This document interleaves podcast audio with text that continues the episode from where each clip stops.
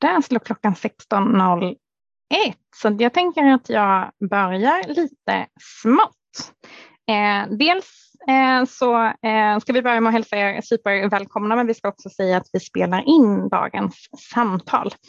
Eh, vi kommer inte tillgängliggöra filmen, eh, så det spelar ingen större roll om ni har kamera på eller inte, utan det är ljudet vi kommer plocka.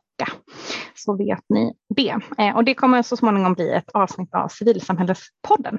Så har man inte möjlighet att vara med hela vägen så kan man helt enkelt eh, lyssna i kapp senare om man behöver gå. Eh, Anna Bergqvist heter jag eh, som kommer hålla lite i trådarna denna eh, timme eh, och driver till vardags styrelsepost tillsammans med flera av mina kollegor som också är här. Eh, har ni frågor som ni vill ställa till vår eh, panel så går det alldeles utmärkt att använda chatten. Eh, jag kommer försöka plocka upp saker där lite löpande, men vi kommer också ha möjlighet att ta några frågor på slutet. Eh, och mina kollegor kommer också hjälpa till eh, och svara på eventuella mindre frågor som vi kan svara på skriftligt.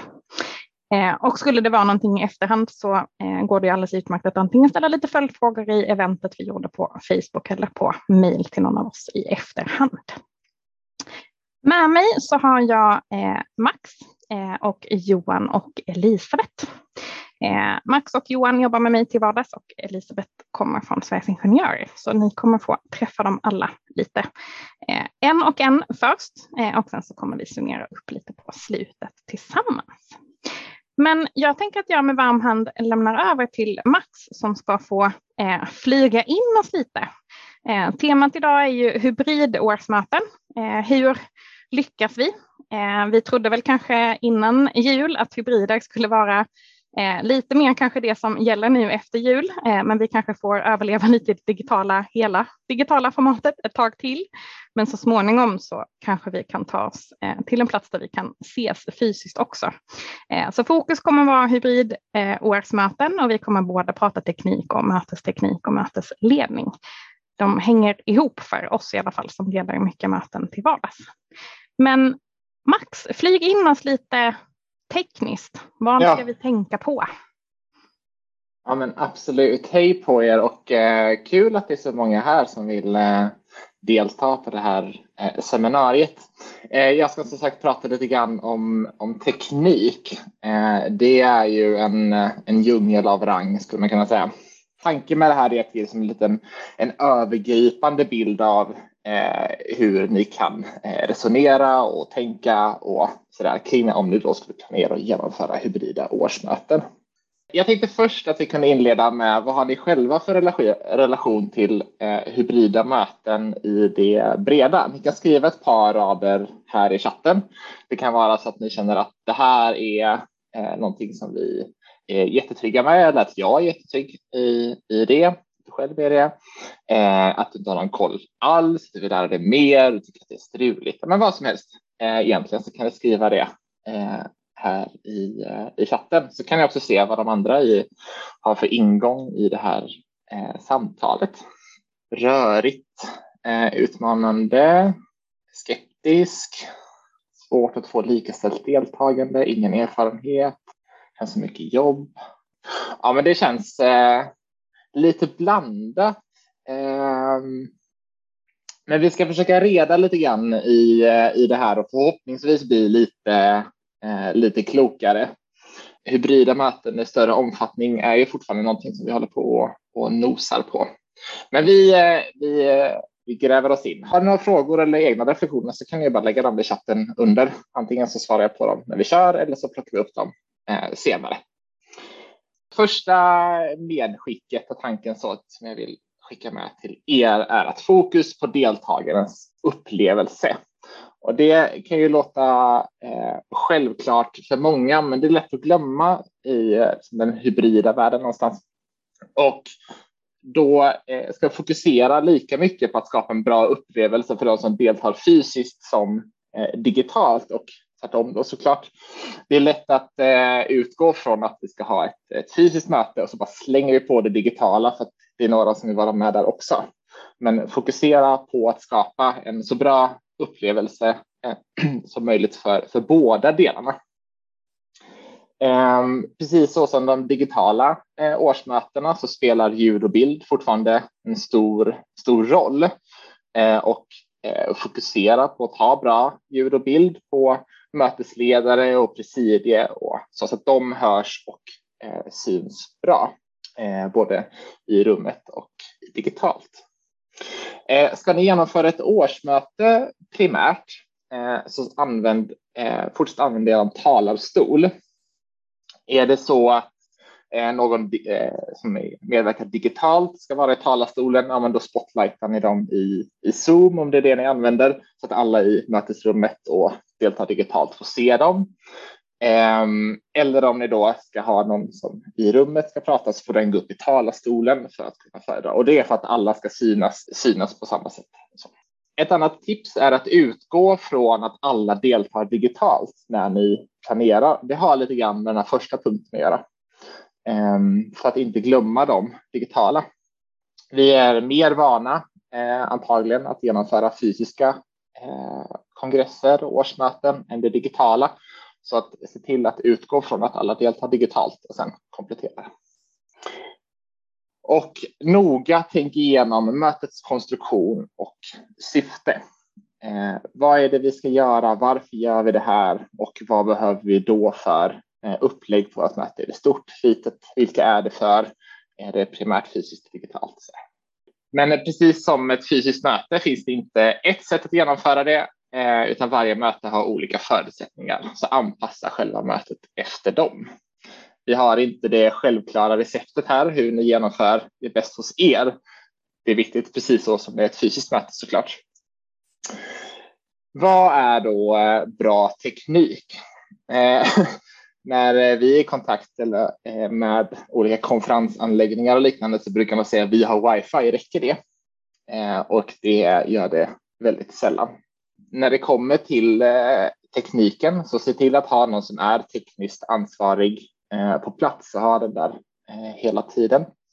Och ha ett bra beslutsverktyg för alla deltagare, exempelvis Votit eller Suffra. Det finns många andra också, men anpassa det lite grann inför vad just ert möte har för syfte. Vi kommer gå in på det lite mer sen. Och att ha ett bra wifi räcker sällan. De, eh, det kan vara vanligt att man är på ett eh, hotell eller liknande och då brukar det vara deras standard wifi som de har. Men ska vi då ha deltagare på distans och livesända och alla ska sitta i ett beslutsverktyg och så, så kräver det ganska mycket internetkapacitet. Och då är det viktigt att det eh, fungerar och ha en, en lång dialog då med, med konferensanläggningen i god tid innan så att det här fungerar. För bryter det redan här så kommer ni ha ett, ett utmanande eh, möte. Konferenstekniken är A och O. Ska ni eh, genomföra ett hybridmöte med några så räcker det räcker inte att sätta in en puck i mitten av ett rum och sen tro att det löser sig, utan eh, tänk på de tipsen som, som finns här i den här eh, genomgången idag Eh, så att ni får en, en bra upplevelse. Men här eh, ännu mer skulle jag säga än i ett digitalt årsmöte, se till att ni har bra konferensteknik eller teknik generellt på plats. Eh, det spelar ännu större roll nu än under ett, ett digitalt årsmöte. De som deltar fysiskt, det sista medskick, är att de ska inte vara med i videomötet, eh, utan de får sitta med sina datorer men inte vara med i Zoom eller Teams eller vad man nu använder för att skapa Eh, den digitala upplevelsen. Ni kan också i ännu större möten kanske ha en ansvarig, tekniskt ansvarig på plats och en som är med på distans för att se till så att det flyter, eh, men det är liksom skalbart. Och så lite exempel på konferensteknik. Det större mötet, här kan ni till exempel ha en, en kamera för de som sitter i presidiet eh, och en för talarstolen så det går att byta eh, däremellan. Antingen så kan ni mixtra det genom ett videobord eller så kan ni ha två separata Zoom-konton och spotlighta ni och sådär. Men se till så att det är alltid en person i, i rutan, precis så som det är när ni deltar digitalt, så att ni försöker skapa den miljön i det fysiska rummet man kan delta enskilt. Eh, och sen ordentliga mickar till föredragande och presidie. Eh, vi har alldeles för många gånger sett att man har en laptop som brukar vandra runt eller att flera deltar eh, på samma laptop eller så där. Eh, det funkar liksom inte. Och det större mötet kräver oftast mer produktionsstuk och ingång i det. Det mindre mötet som eh, jag med hjälp av Logitechs program, det, promotion-material här försöker visualisera några enstaka i ett, i ett rum och många som deltar på distans här brukar det räcka oftast med en, en bra kamera och ljudupptagning som plockar upp ljudet i, i hela rummet. Eh, inte då från en enskild laptop utan från mikrofon eller vad det nu än kan vara. Och en större skärm där de som deltar på distans kan, kan synas. Och oftast är ju då det en, en, en separat dator eller så för de som deltar eh, på distans och sen alla deltar, som deltar fysiskt i rummet har sin egna laptop så försök också separera på de två. Det är någon som har skrivit att i den ideella föreningen är inte många som har starka datorer. Nej, det är ju tyvärr så. Om tur så finns det någon enskild aktiv medlem. Annars så finns det ju gott om eh, andra föreningar eller så som har bra utrustning. Vi i Sverok till exempel, jag är också aktiv i, eh, har teknik som man kan säkert låna av varandra. Men det är ju upplevelsen blir dramatiskt mycket sämre eh, om man inte har bra teknik från början tyvärr när det är det hybrida så det ställer de kraven och då kan man ju fundera på om man verkligen ska ha ett hybridmöte om man inte har tekniken på plats eh, utan då kanske det är ett digitalt möte eller ett fysiskt möte som man ska ha eh, om man inte har tekniken. Eh, vi kommer prata lite grann mer om hur man kan kommunicera med medlemmar och, och så kring, kring det här senare idag. jag nämnde lite kort eh, beslutsverktyg och det trycker vi väldigt mycket på eftersom det är viktigt att alla deltar på samma villkor och ett beslutsverktyg brukar lösa det. Eh, det är här vi gör våra omröstningar, det är här vi samlar in våra förslag, det är här vi gör allting. Eh, och det skulle ju mycket väl kunna vara inte bara för årsmöten primärt, utan för andra processer. Eh, så att det inte sitter några i ett fysiskt rum och skriver förslag eller brainstorm och post-it-lappar och de som deltar digitalt eh, inte har möjlighet att delta då, utan då kanske alla får sitta i en gemensam Trello-bräde eller eh, liknande för att då samla in alla brainstorm-material och sådär.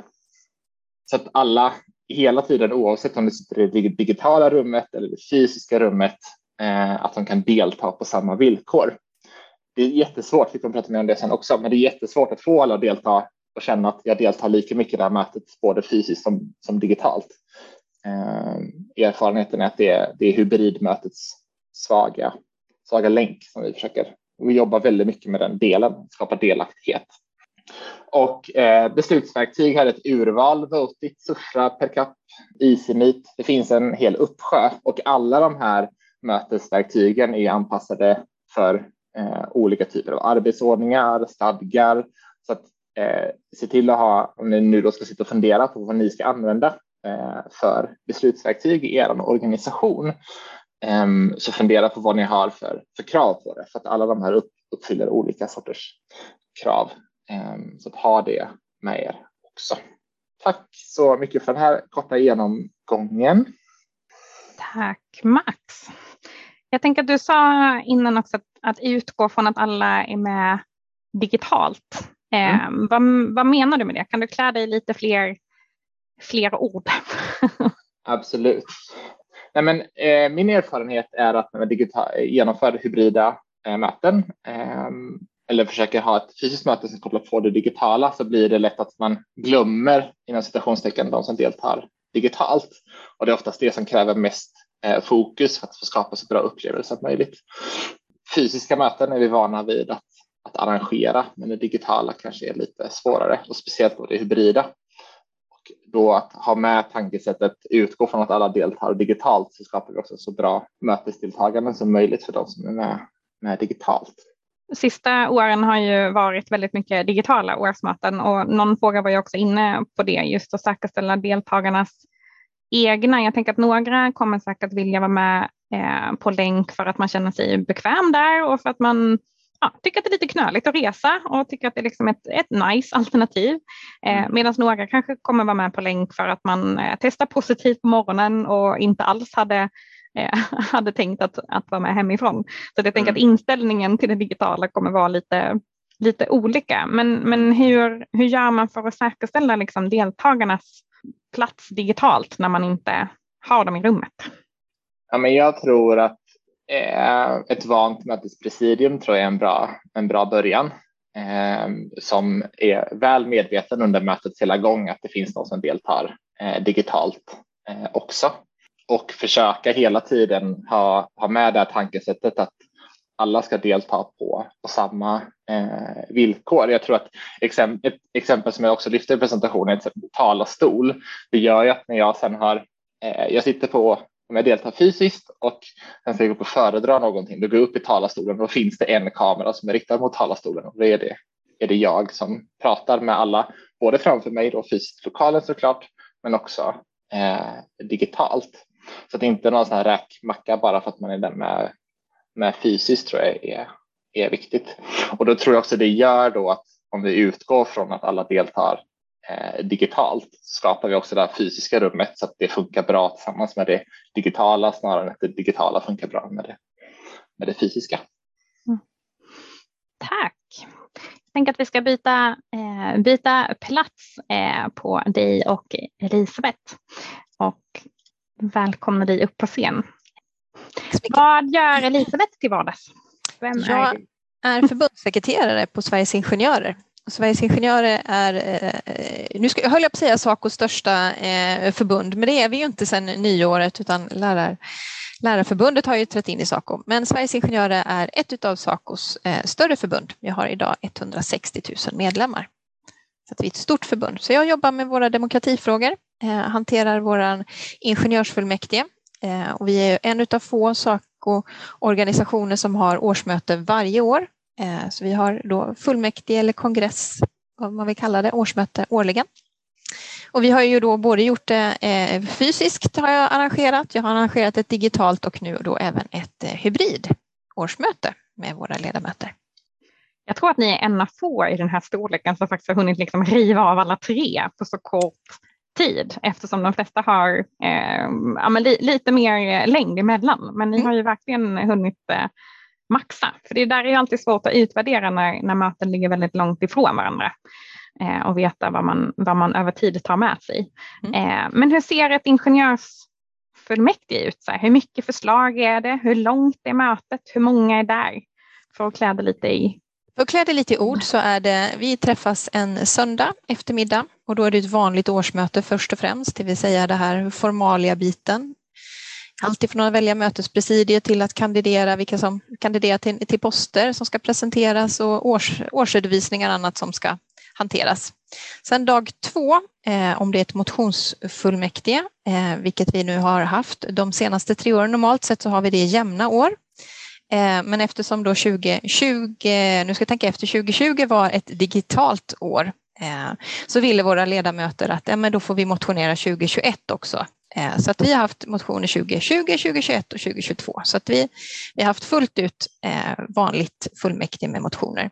Och vi kan ha allt ifrån 40 motioner till 8 som det var då när det var första pandemiåret så att säga, 2020. Eh, men de ska hanteras i, ett, eh, i vad vi kallar öppna utskott som vi jobbar i på förmiddagen på, på dag två. Och sen så har vi något som heter slutna utskott som då kommer fram till eh, vad vi har för förslag till plenum när vi då återsamlas på, på dag tre. Så det är tre dagars möte eller två och en halv dagars möte eh, årligen. Och ett öppet utskott för er som nu tänker att vadå öppet utskott?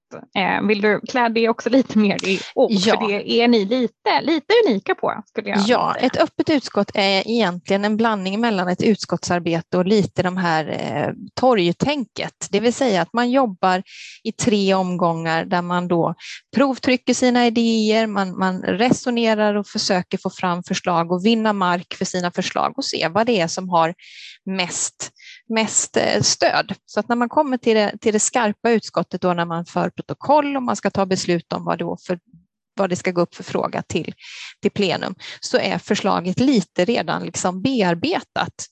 Eh, och i och med att det finns flera, då vi kallar, hos oss kallar vi det listor eller valkooperationer, vad ni nu kallar det, era organisationer så ni ska känna igen er, men ledamöterna var de kommer ifrån. Vissa är ju väldigt få Många har, eh, några har ganska stora grupperingar och andra har, har mindre. Och det är för att de här små då ska hinna vara med och, och, och, lyssna och prata på, på flera tillfällen, även om man inte hinner vara med i, i det skarpa utskottet. Så att vi har en ordning där man då har öppet som är lite mer öppet resonerande, diskuterande och sen har vi en del som är rena beslut då inför, inför plenumdiskussionerna och beslut på dag tre. Mm. Och ni rev ju av en hybrid i november. Eh, Hur kommer det sig att ni landade just i hybridformen? Hur tog ni liksom beslutet? Ja, styrelsen hade, hade möte i september och först beslutade man faktiskt att ha ett digitalt möte. Sen senare på eftermiddagen så kom regeringen och sa nu släpper vi alla restriktioner. Eh, så då ändrade man sig lite snabbt på eftermiddagen och så sa man, men får vi träffas då är det klart att vi ska ha ett fysiskt möte. Eh, och från att man då hade tagit beslutet att det skulle vara ett fysiskt möte så blev det ju då också ett arbete för min del där det var att ja, fast vi kommer ha folk som är förkylda och vi har kvar restriktioner att man inte ska delta om man är sjuk. Eh, så under resans gång så planerade vi faktiskt in att, att det här måste bli ett, ett hybridmöte. Eh, och en fem dagar innan så hade jag bara tre personer som var anmälda till att faktiskt delta digitalt. Eh, och de sista dagarna så trillade det in då så att vi blev 20 som deltog digitalt. Eh, så det behöver man också ha med sig i planeringen att det kan, det kan vara precis som du säger Anna, att, att eh, någon testar positivt eller någon i familjen är sjuk, jag kanske inte ska åka. Eh, och vi hade det i beräkningen, eh, men, men eh, som sagt, vi, även vi som har gjort ett, ett hybridmöte i den här storleken är väldigt mycket i, i vår liksom början på en sån här process och vi är absolut inte experter på, och jag kan, jag kan ge tips och råd på vägen för att vi har gjort det en gång, men, men jag skulle inte säga att vi, vi är klara i att, att ja, men nu vet vi hur man gör och har, har blueprinten till alla andra. Det, det är så, så långt har vi inte kommit. Märkte du någon skillnad mellan dem? För jag tänker de tre hade ju då valt liksom, att delta på länk medan du då hade 17 som av en eller annan anledning kanske ändå hade tänkt åka. Ehm, tyckte du att du kunde se någon skillnad på de grupperna?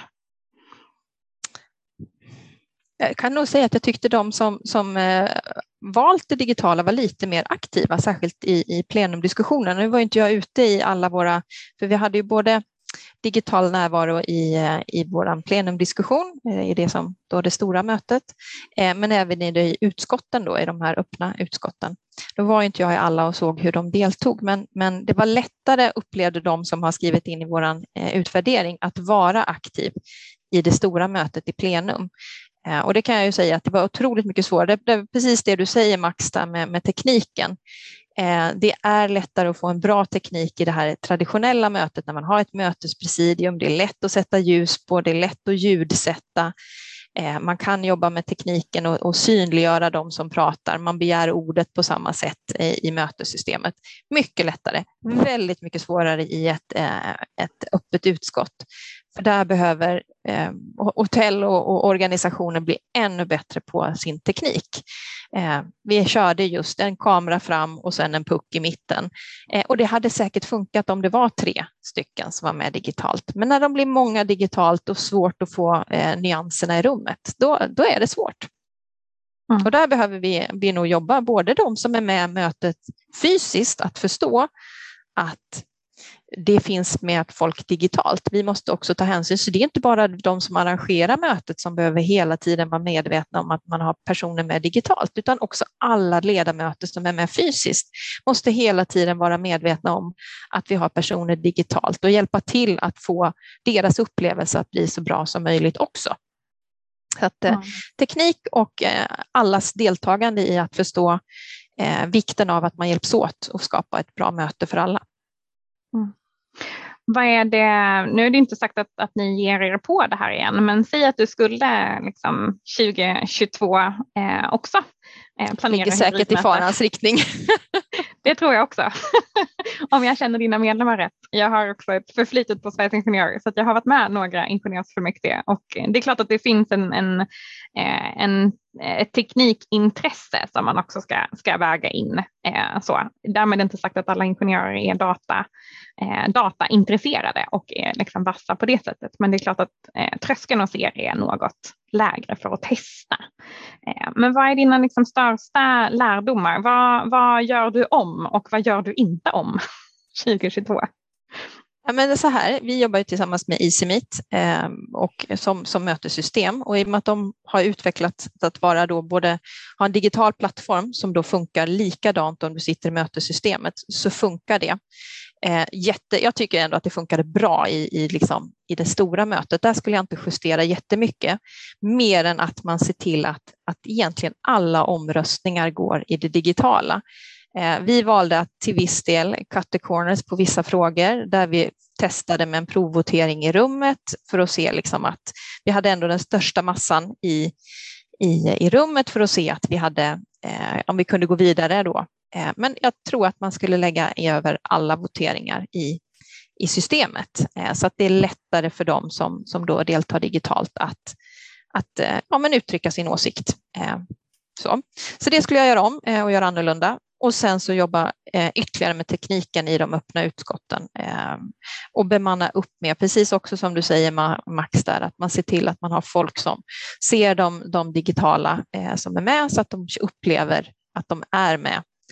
Eh, så att man inte sitter med för lite, eh, för lite händer helt enkelt som har koll, utan att man behöver hjälpa till och begränsa antalet människor i rummen. Att man då eh, någonstans har ett maxantal på hur många som får vara med fysiskt för att hinna, hinna eh, fånga upp allt, allt ljud som blir i rummet ändå. Så massa små grejer att pilla på såklart. Mm.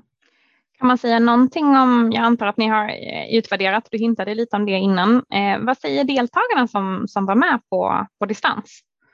Ja, men de, är, de är positiva, men det är mycket om tekniken eh, i utvärderingen såklart att ljudet inte riktigt funkade, att det finns mer att önska utav, inte minst de öppna utskotten. Att de tyckte ändå att det var lätt att komma till tals i, i det stora mötet där man som vilken annan person som helst begär ordet. Eh, och de som satt i, det, i mötet fysiskt upplevde ju att ja, men de som var med digitalt, de hördes bra, det syntes bra, de kom upp på två stora skärmar. Eh, så att det var lätt att liksom se och förstå vad, vad, vad de yrkade eh, eller vad de tyckte. Så att det funkade bra, men just tekniken i, i de öppna utskotten, där fanns mycket mer att önska. Mm. Och vi satt och funderade att göra dem liksom mer digitala, att liksom trycka in alla i, i den digitala plattformen för att liksom styra det mer. Men vi valde att inte göra det, utan vi valde att, att ha ett lite öppnare form i, i Teams för att liksom inte heller uppleva att vi överstyrde eh, mötet eh, i, i de öppna utskotten. Eh, men det får vi värdera eh, liksom fortsatt här framåt. Eh, om det är mer åt andra hållet man ska gå, mer uppstyrt för att få mm. samma upplevelse. Du nämnde innan att ni var 20 på distans. Hur många röstberättigade hade du i rummet då? Har vi fått en fråga om. Eh, ja, det var, det var ju även eh, lite kanslipersonal som vi satte som deltog distans. Eh, vi är 95 beslutsförda. Jag tror att vi hade 81, vad kan vi ha haft i rummet? 100, ja, någonting ja. sånt. 70-tal hade vi i rummet såklart i alla fall. Mm. Ja. Mm. Så man får balansen mest. Ja. Yes, tack. Jag tänker att vi ska gå eh, vidare. Vi tar tillbaka dig sen eh, på slutet Elisabeth. Eh, till Johan som ska göra oss sällskap. Du kan få börja med att presentera dig själv Johan. Jag har inte förberett någon sån här vass presentation. Så shoot. Vem är Oj, Johan ja. Nej, eh, Johan Groth heter jag, jag jobbar på styrelsepost med årsmöten och föreningsutveckling. Har också ett bolag där jag gör lite andra saker som män mot statliga myndigheter och, och sånt vad gäller organisations och verksamhetsutveckling mest. Men demokratifrågor, utvärderingar, utredningar och sånt. Jag vet inte vem av dig och mig Johan som har hållit flest eh, digitala möten och jag räknar inte för jag är inte ingenjör, men det är du så jag vet att du har koll. Hur många digitala årsmöten har du rivit av? Eh, förra, förra våren var det 46, men sen räknade jag inte på hösten. Nej. Eh, så, så lite erfarenheter, stort och smått ska vi också säga. Jag och Johan har lett en del möten tillsammans också, verkligen från det, det lilla till det stora. Eh, några jättestora hybrider har vi inte riktigt varit inne och nosat på så himla mycket egentligen någon av oss. Även om Elisabeth sa att, att hon inte ville ta sig för bröstet och säga att hon var något proffs så är ni ändå väldigt få som har, har testat. Eh, men vi eh, har ju några eh, definitivt eh, framöver. Eh, men utifrån, liksom, och nu ska vi prata lite utifrån liksom rollen som mötesordförande men också utifrån liksom hur man får ihop liksom planeringen och vad vi ibland kallar för liksom dramaturgin kring ett möte.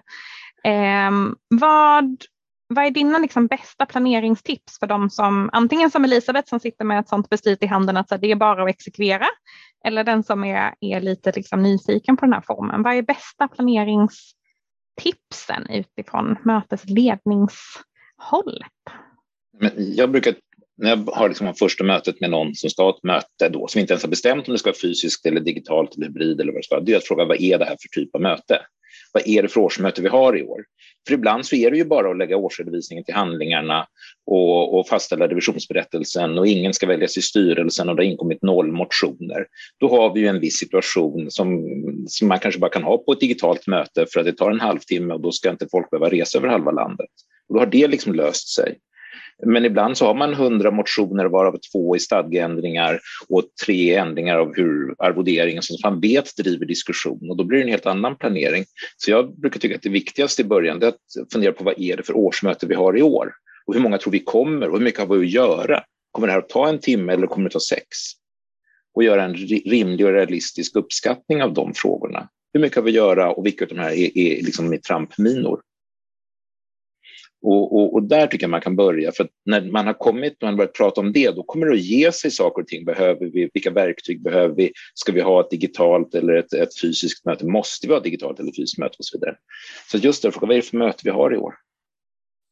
Där skulle jag börja. Och där vill jag gärna börja också. Och då kan det till och med vara så att ibland så om vi lyfter ut den här enda lilla saken, då blir årsmötet pyttelitet. Då löser vi hela det årsmötet på en halvtimme. Sen har vi någon sorts annan typ av möte för att lösa den här konflikten.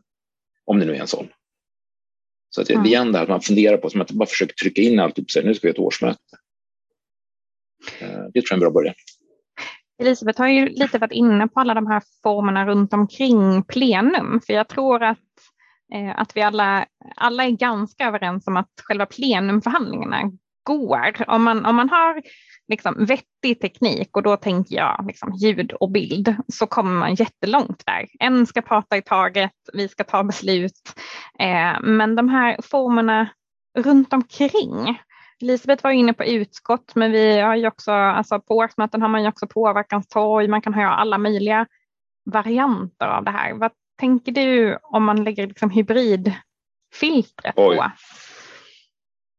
Ja, det, det är faktiskt svårt. Jag tycker att det är svårt, ganska svårt att ha eh, sådana här påverkanshorisont digitalt annars. Alltså det som, det som har funkat bäst det har ju varit när de, de här påverkanshorisonterna har blivit lite grann som ett litet minimöte där man provröstar på saker och ting men ändå försöker ha liksom samma mötesverktyg och samma liksom process men man vet att vi är här bara för att prata om några frågor i en mindre grupp. Men att kombinera det där med att, med att folk sitter på olika ställen och att man ändå ska få ett deltagande det tror jag är rätt svårt att, att göra på ett bra sätt. Eh, för, för, då blir det liksom fritt på alla former. Folk sitter på olika ställen. Man kanske vill också ha det här som är väldigt bra. Man kanske vill byta grupp. Det är väldigt svårt att byta grupp om de som sitter på plats liksom har tre rum att sitta i och sen ska någon då som är med digitalt, var ska de vara med? Hur ska man få dem att kunna vara med i tre rum och sånt? Eh, det blir en ganska stor utmaning. sånt. Det kanske blir så att de som sitter digitalt får ha sitt eget så att säga, öppen, ett öppet forum där de får diskutera sina saker och de får inte byta. Man kanske får göra sådana inskränkningar då i det läget också. Mm. Men framförallt måste man värdera det. Och egentligen, jag tycker det var intressant som Elisabeth sa, där, att hur många har vi här och hur många har vi på andra stället? För det spelar ju också en jättestor roll. Eh, har vi majoriteten på plats eller har vi majoriteten ute i, i, i, i ja, utspridda? Och sen utspritt är ju också ett relativt begrepp. Vi har ju haft möten ibland där folk sitter föreningsvis eller distriktsvis och då har man någon sorts blandning av digitalt och på plats och en del som är på plats där presidiet är och så där. Så man måste också värdera alla de här sakerna i början. Vad det är folk och vad vi för frågor. Precis, för jag tänker att det, det finns ju, det tycker jag mig märka lite, lite förvirring kring vad det här med hybrid egentligen betyder. Eh, jag tänker att det finns lite olika former av hybrid. Dels den här hybriden som pågår samtidigt, både digitalt och fysiskt som, som Elisabeth eh, eh har berättat om, där, där det är utskottsförhandlingar och där man kan finnas i rummet och digitalt. Eh, man kan ju också göra som, som vi har gjort eh, nu när vi har bara haft digitala möten, eh, att man har vissa, eh, vissa så att säga live, livesändningar där vi sitter tillsammans eh, och vissa asynkrona delar där man Eh, bara eh, befinner sig i sitt mötessystem och kanske röstar asynkront, alltså över längre tid. Eh, det har ju också kallats, eller kallas ibland av liksom, sektorn för, för hybrid eh, och sen har vi kanske den varianten där, där det kanske pågår en diskussion i ett digitalt rum och en annan diskussion i det fysiska rummet. Så att jag tänker att man behöver ju också börja i änden att definiera, om man då landar i hybrid, vilken typ av hybrid? Eh, lite baserat på det som du var inne på, på liksom, vilka frågor har vi? För vissa frågor lämpar sig ju inte eh, att dela upp till exempel, eh, för att den demokratiska rösten måste måste finnas i alla frågor. Eh, vi kan inte säga att nej, men är du med på distans så får du prata stadgar, men ingen annan får vara med. Medan i andra frågor kan det ju definitivt vara så att man kan dela upp diskussionen. Jag tänker att det är en, en ingång också. Vad är ens hybrid? Mm. Men sen tror jag en sak som har varit uppe tidigare som jag tror är jätteviktigt är att så här, glöm inte att har man ett mötesverktyg i botten så min erfarenhet, då trillar många av sina problem bort för då röstar alla på samma sätt, alla röstar på, sam, på, på liksom samma metod. Eh, även om jag vet att det är tilltalande att göra provomröstningar och sånt där. Så jag håller verkligen med, som Elisabeth sa, där, att man kör alla omröstningar i verktyget. För då åtminstone i den omröstningsbiten så kommer alla att ha samma förutsättningar oberoende av vad de är. Eh, och dessutom har man ett bra mötesverktyg, då har man, får man också hela med dagordningen och man, alla vet vad vi är, alla vet vad vi är och alla vet hur vi ska rösta. Så att oavsett nu hur mycket hybrid det är och på vilket sätt det är hybrid, så att säga vertikalt eller horisontellt eller vad vi vill kalla det för, så ett, ett mötesverktyg i botten som man trivs med och som funkar bra, som ger möjlighet till omröstningar och annat, eh, är ju på många sätt magi eh, och, och, och, löser en hel del problem. Det är nästan, skulle jag välja, höll på att säga, skulle jag nästan hellre ha ett bra omröstningsverktyg än ett bra eh, kommunikationsverktyg. Men det var ju bakvänt. Vi måste ju ha någon form av video, måste vi ha. Men, men, men i alla fall, det är nästan så man kan ha, klara sig med telefonen om man har ett bra mötesverktyg. Mm. Eh. Jag tänk innan pandemin när vi hade stora telefonkonferenser. Det är väl ingen som vill tillbaka dit i sig. Men eh, jag, jag är nog benägen att hålla med. Hellre då ett beslutsverktyg där vi kan ta eh, ta beslut och delta och rösta på lika villkor än att vi eh, syns och hörs eh, ordentligt. Bara vi hör eh, varandra så funkar det ju utmärkt. Sen finns det ju många, så många sådana här eh, omröstningsverktyg nu har ju andra funktioner. Jag gillar ett verktyg där man har en sån här textredigeringsfunktion där man kan lägga in enorma, brö, alltså enorma textmassor. Sen kan folk yrka på enstaka ord. Och med, med hjälp av ett sådant omröstningsverktyg löste vi en åttaårig eh, stadgediskussion i, ett, i en förening vi jobbade med. För det här har blivit så oöverskådligt när man gjorde det liksom i det vanliga rummet. Man pratar om 18 motioner som stod mot varandra och ingen visste vad som stod mot varandra. Men när vi såg det verktyget så insåg vi att det var två paragrafer av alla de 40 paragraferna som var konflikterna. Och då lyckades vi ta de här stadgarna på en och en halv timme, fast de då hade hållit på i flera år tidigare. Så att mötesverktyg har så många fördelar också när det gäller att tydliggöra vad vi håller på och pratar om. Så mötes, mötesverktygen är ju bra. Mm. Eh, frågan där, var det votet? Ja, det var votet. Mm. När, eh, när passar ett hybridmöte på? Då? Jag tänker när du sa att du ställer ett par inledande frågor. Vad behöver man svara rätt på utifrån det vi vet och kan just nu ska vi också lägga till. Nej, men, alltså jag tror att man gör ett medvetet val att vi till exempel säger så här, vi vill att vi vet att många av våra medlemmar har svårt att resa. Så att vi vill verkligen i år vill vi prioritera att så många som möjligt är med. Och därför har vi ett hybridmöte. Vi vet att 80 procent kommer att vara på plats i Hässleholm eller var vi är någonstans. Men vi vill faktiskt att alla ska kunna vara med. Så därför, så, därför så kommer vi prioritera här och då kommer vi också göra vissa saker kring, kring friforum eller, eller eh, eller någonting eh, för att göra att det här mötet faktiskt funkar bra för att vara hybrid. Vi kanske tar bort den där knepiga stadgediskussionen och lägger det nästa år. Men då har det där, jag har varit med på ett möte som vi körde då hybrid i år eh, och där vi hade liksom 20-30 procent mer deltagare på mötet. Och det funkar jättebra därför att det var inga stora konflikter och det, vi hade liksom gått ut och sagt med det att vi kommer att vara på plats och ni kan vara med digitalt, ni som vill. Och det var mycket mer folk med och det funkade jättebra för att alla gick in med den förväntan också. För att det här är en annan sak, ibland blir det såna konstiga förväntningar. Ja, styrelsen har kallat till möte i Hässleholm, men jag vill vara hemma. Eh, ja, men möt, eh, styrelsen har kallat till möte klockan ett också. Och du kanske vill klockan 14, men det kommer att vara möte klockan ett i alla fall. Jag menar, det här liksom, där har jag märkt på en del möten att många av deltagarna vill bestämma var de ska vara. Och det är trots allt så att det är styrelsen som kallar, både tid och plats. Eh, medan, och, och, det är klart att då blir förväntningarna fel. För att då kanske en del eh, medlemmar känner att ja, men nu, nu, nu när vi har möjlighet att vara hybrider, då måste jag väl få vara hybrid. Ja, och då igen tillbaks, då måste vi planera det från början och då kan det bli väldigt bra. Men, men nu har jag varit med på några möten där det här liksom är något som medlemmarna kommer in med som en rättighet att få vara med på distans, trots att mötet inte är planerat för det. Och det kan bli knepigt. Och då hamnar man i fel förväntningar och så blir det väldigt snett från början. Så tillbaks igen till mötet från början. Vill vi ge den här möjligheten för alla att vara med, ja då får vi tänka efter hur vi gör ett bra hybridmöte. Och inte bara rusa liksom in och säga att detta ska vara digitalt, detta ska vara hybrid, utan vad är det vi vill uppnå? Och just i det här fallet då när vi fick så många fler deltagare, det var jättelyckat i det fallet. Mm. Finns det några situationer där du skulle direkt avråda? Från att ha ett hybridmöte? Mm. Oj. Uh, oh. Eh, ja, alltså det, alltså, jo, jag menar, alltså det, Max har varit inne på det. Va? Kommer man till ett hotell och de säger ja, vi har internet, liksom, då, då, då blir man ju orolig.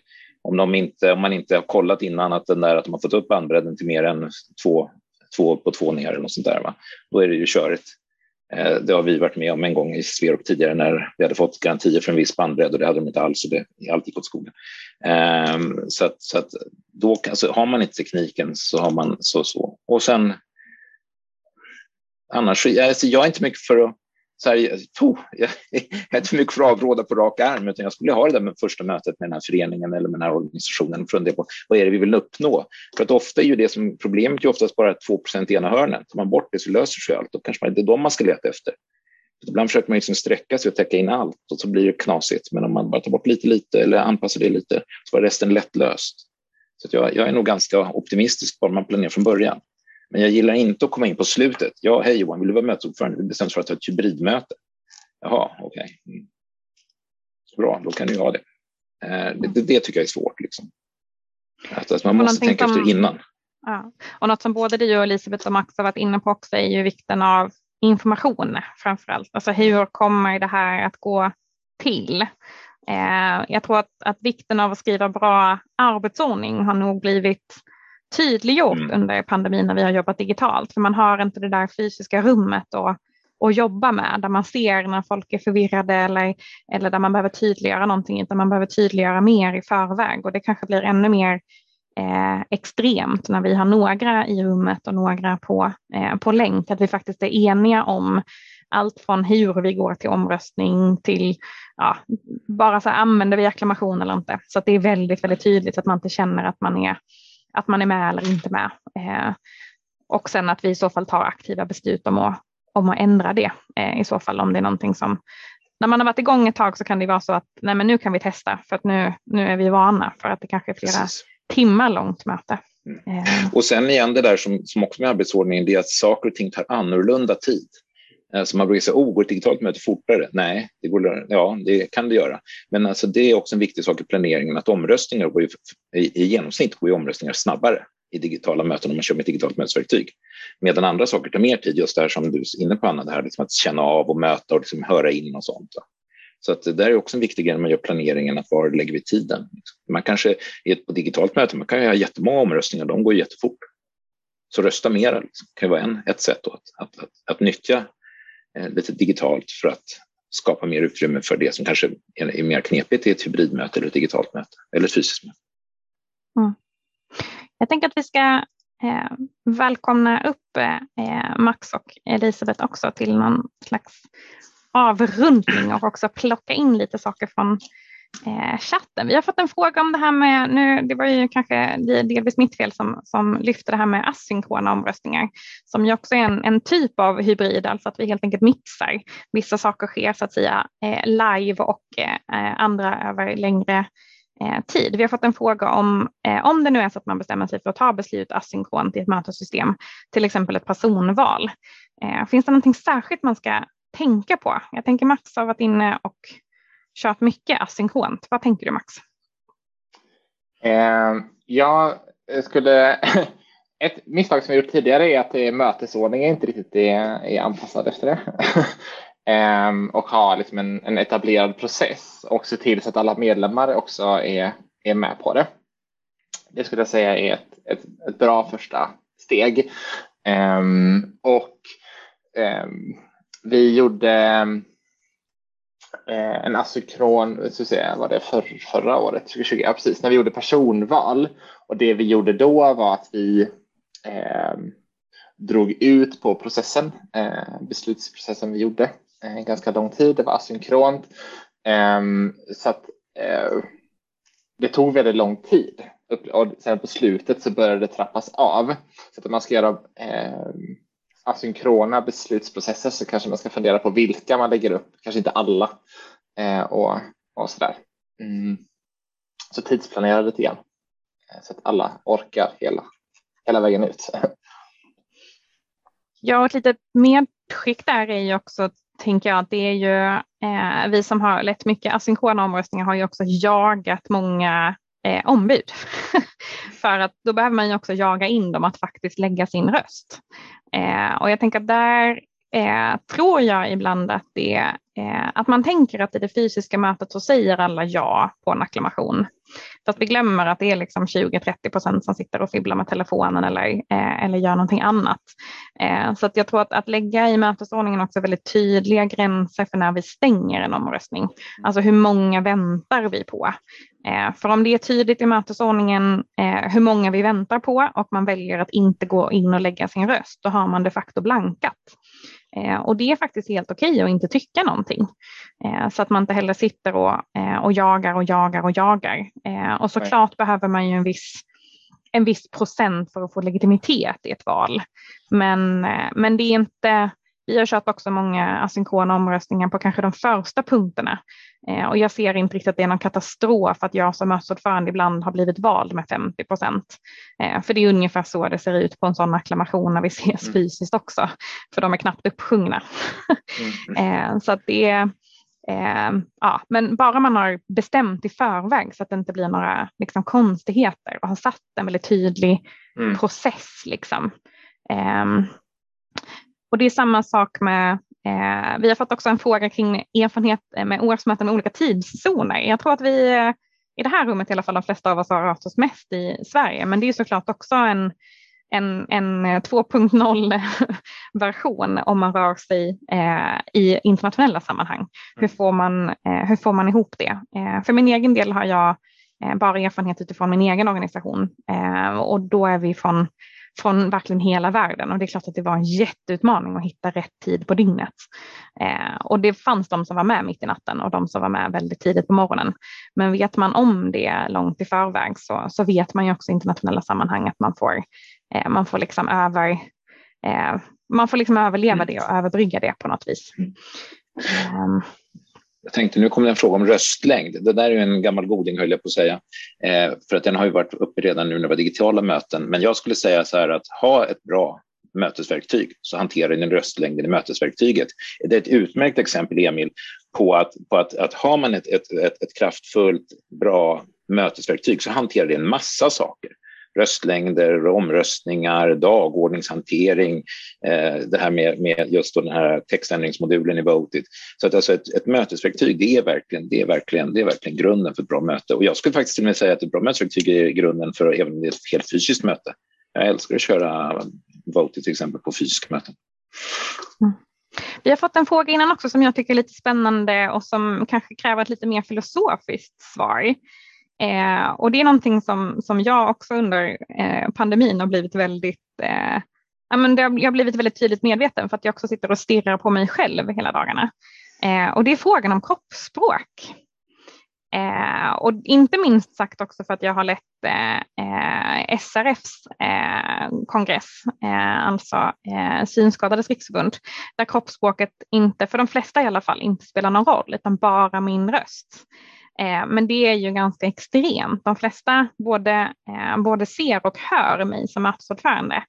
Ehm, men, eh, men dels Elisabeth, om du har någon reflektion utifrån ert möte, var det liksom svårt att hitta hitta ett kroppsspråk på mötespresidiet som funkade både digitalt och fysiskt? Var det liksom ja, men med alla kameror och folk i rummet och så här, märkte du att det var liksom en extra stressnivå? Jag kan inte säga att jag tyckte det var det i det stora mötet. Jag upplever det mycket mer i ett sånt här möte där man faktiskt ser på ett helt annat sätt eh, kroppsspråk. Eh, det blir ju mycket mer än eh, liksom, ett mötespresidie på en scen. Ja, det är klart att man, att man rör sig, men det blir så mycket fokus på, på den som talar. Så att, eh, jag upplever inte det. Eh, jag upplever det mycket mer i de här mötena där vi hamnar, där vi hamnar så mycket närmare varandra än, än eh, de stora mötena. Ehm, så. Mm. Vad tänker Johan och Max?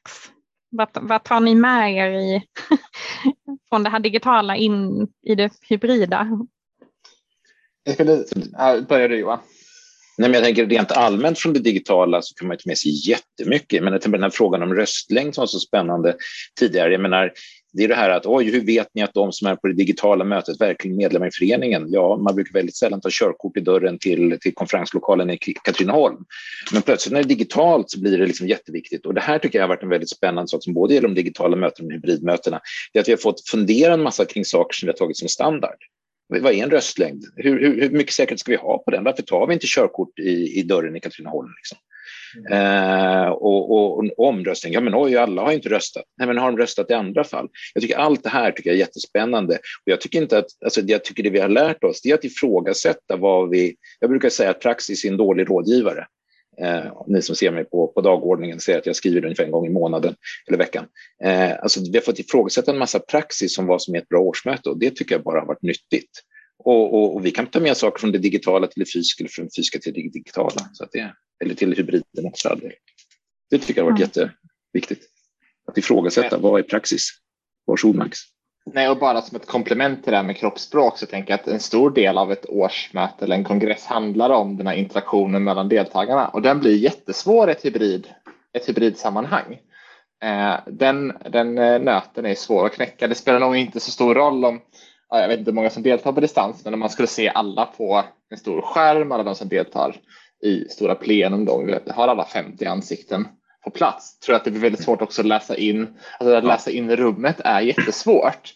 Mm. Eh, och jag tror, någon får jättegärna ehm, eh, mot, motbevisa mig genom att genomföra sådant. Men det blir som att det är två parallella möten som går, men som interagerar med varandra. Eh, och jag tror att det är viktigt att ha med sig det i, i planeringen. Eh, att skapa den här känslan av sammanhang är, är svår i ett hybridsammanhang. Mm. Eh, men du får jättegärna komplettera Elisabeth, du kanske har goda. Men eh, det jag ska säga egentligen är att, att eh, vi använder ju även en, en chatt i, i mm. vårt stora möte så att säga. Så att även i där så finns det ju möjlighet att påtala de här grejerna mm. att ja, men det hörs inte, sluta fippla med papperna, eh, eh, sådär som man på mötespresidiet ibland gör. Eh, och det är också ett jättestöd tror jag för de som sitter digitalt, att de kan, de kan ge feedback direkt till hur de upplever det. Det är ju som i det här mötet också, vi har ju, vi har ju många som, som deltar, men man är, man är åhörare och det är lite så man hamnar i det digitala hybridmötet också om du inte är i rummet, precis som du säger Max, att ja, men du blir åhörare. Och en chattfunktion kan göra bland annat det här att man, man upplever sig i alla fall vara lite mer på plats mm. och med och prata. Vi hade också eh, testat att vi skulle ha en sån här ja, fikarum som man kunde liksom gå in i.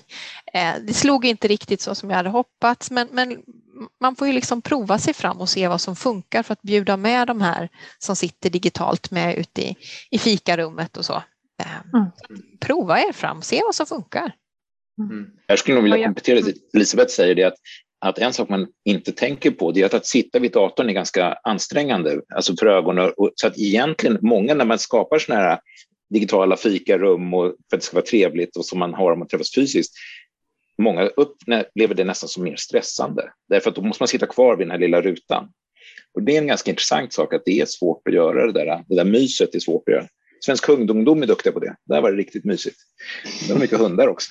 Mm. Ja, de var verkligen superduktiga. Så ja, söker ni tips på liksom rörelse och energi i digitala möten så var de verkligen super, superduktiga. Ja. Eh, en, en sak vi inte har berört så, så tydligt också är, vi har fått en fråga i chatten också om det här med tillgänglighet och, och textning och, och tolk och det tänker jag är en av de stora fördelarna eh, när vi har jobbat digitalt är att det faktiskt har varit eh, enklare till viss del eh, och att det faktiskt har varit eh, otroligt mycket billigare också för den delen för att det är bara precis den tiden vi, vi eh, finns digitalt som vi kan, som vi kan använda. Eh, och, men det blir såklart en utmaning att, eh, att ha det i både fysiska rummet och i det digitala rummet. Eh, men där tror jag att där har ju verksamhetsutvecklingen verkligen rullat på. Eh, jag är mest van i Zoom ska jag säga, men här går ju verkligen att, eh, att liksom, använda det väldigt, väldigt klokt. Men det behöver man ju också lägga på som raster på sitt både digitala möte, sitt fysiska möte, inte mm. minst och mm. sitt hybridmöte. Eh, för det fysiska, är det någonting som vi, eh, jag och mina kollegor har slagits för under pandemin så är det ju att det fysiska rummet är inte alls tillgängligt bara för att det är fysiskt. Eh, vi har fått framförallt tror jag många har upplevelser kring alla de här friformerna, alltså att, att mötas i eh, till exempel utskottsförhandlingar i ett digitalt rum istället för i ett fysiskt kanske påverkanstorg som är rörigt, som är svårt för den med hörselnedsättning, som är svår för den som, som inte ser alla eh, eller som inte ser alls. Eh, så att där kan man verkligen, när vi pratar tillgänglighet så får man verkligen både titta på sin egen organisations eh, ramar men också faktiskt våga fråga sina deltagare så att man har med det när man planerar. För det är svårt att kasta in i efterhand eh, och kanske mm. ännu större utmaning eh, digitalt. Eh, men hörni, tiden går eh, jättefort när man har roligt. Eh, jag tänker att det här verkligen bara är att nosa på. Eh, mm. inget av det vi har sagt idag är, är sanning. Alla lär oss hela tiden och det är så vi har tänker jag, hela civilsamhället eh, tagit oss an hela pandemin också. Det var ju ingen som eh, tänkte Eh, att de skulle ha eh, digitala årsmöten heller eh, när den här pandemin inleddes. Men det har ju gått alldeles utmärkt. Eh, inte att vi inte har tappat saker på vägen, men det är klart att det funkar. Så att jag tänker med, med, med tillförsikt så tänker jag att vi river väl av hybridmöten också. Eh, om vi bara fortsätter hjälpas åt. Eh, och eh, Johan tipsade i förbifarten om Facebookgruppen på dagordningen. Men har ni inte hittat den så kasta er in. Eh, ideella sektorn är ju helt fantastisk på att dela tips med varandra. så in där och sök medlemskap och fortsätt bolla med varandra. Och är det så att man vill bolla med oss så får man givetvis gärna göra det också. Eh, ni fick också en länk till på dagordningen av Max. Härligt Max. Eh, så eh, finns ju vi eh, också på hemsida och också i, på dagordningen. Eh, så bara eh, dra iväg en fråga om ni fastnar på någonting så eh, hjälps vi åt helt enkelt. Eh, tack för att ni har varit med och lyssnat idag och på återseende hoppas vi.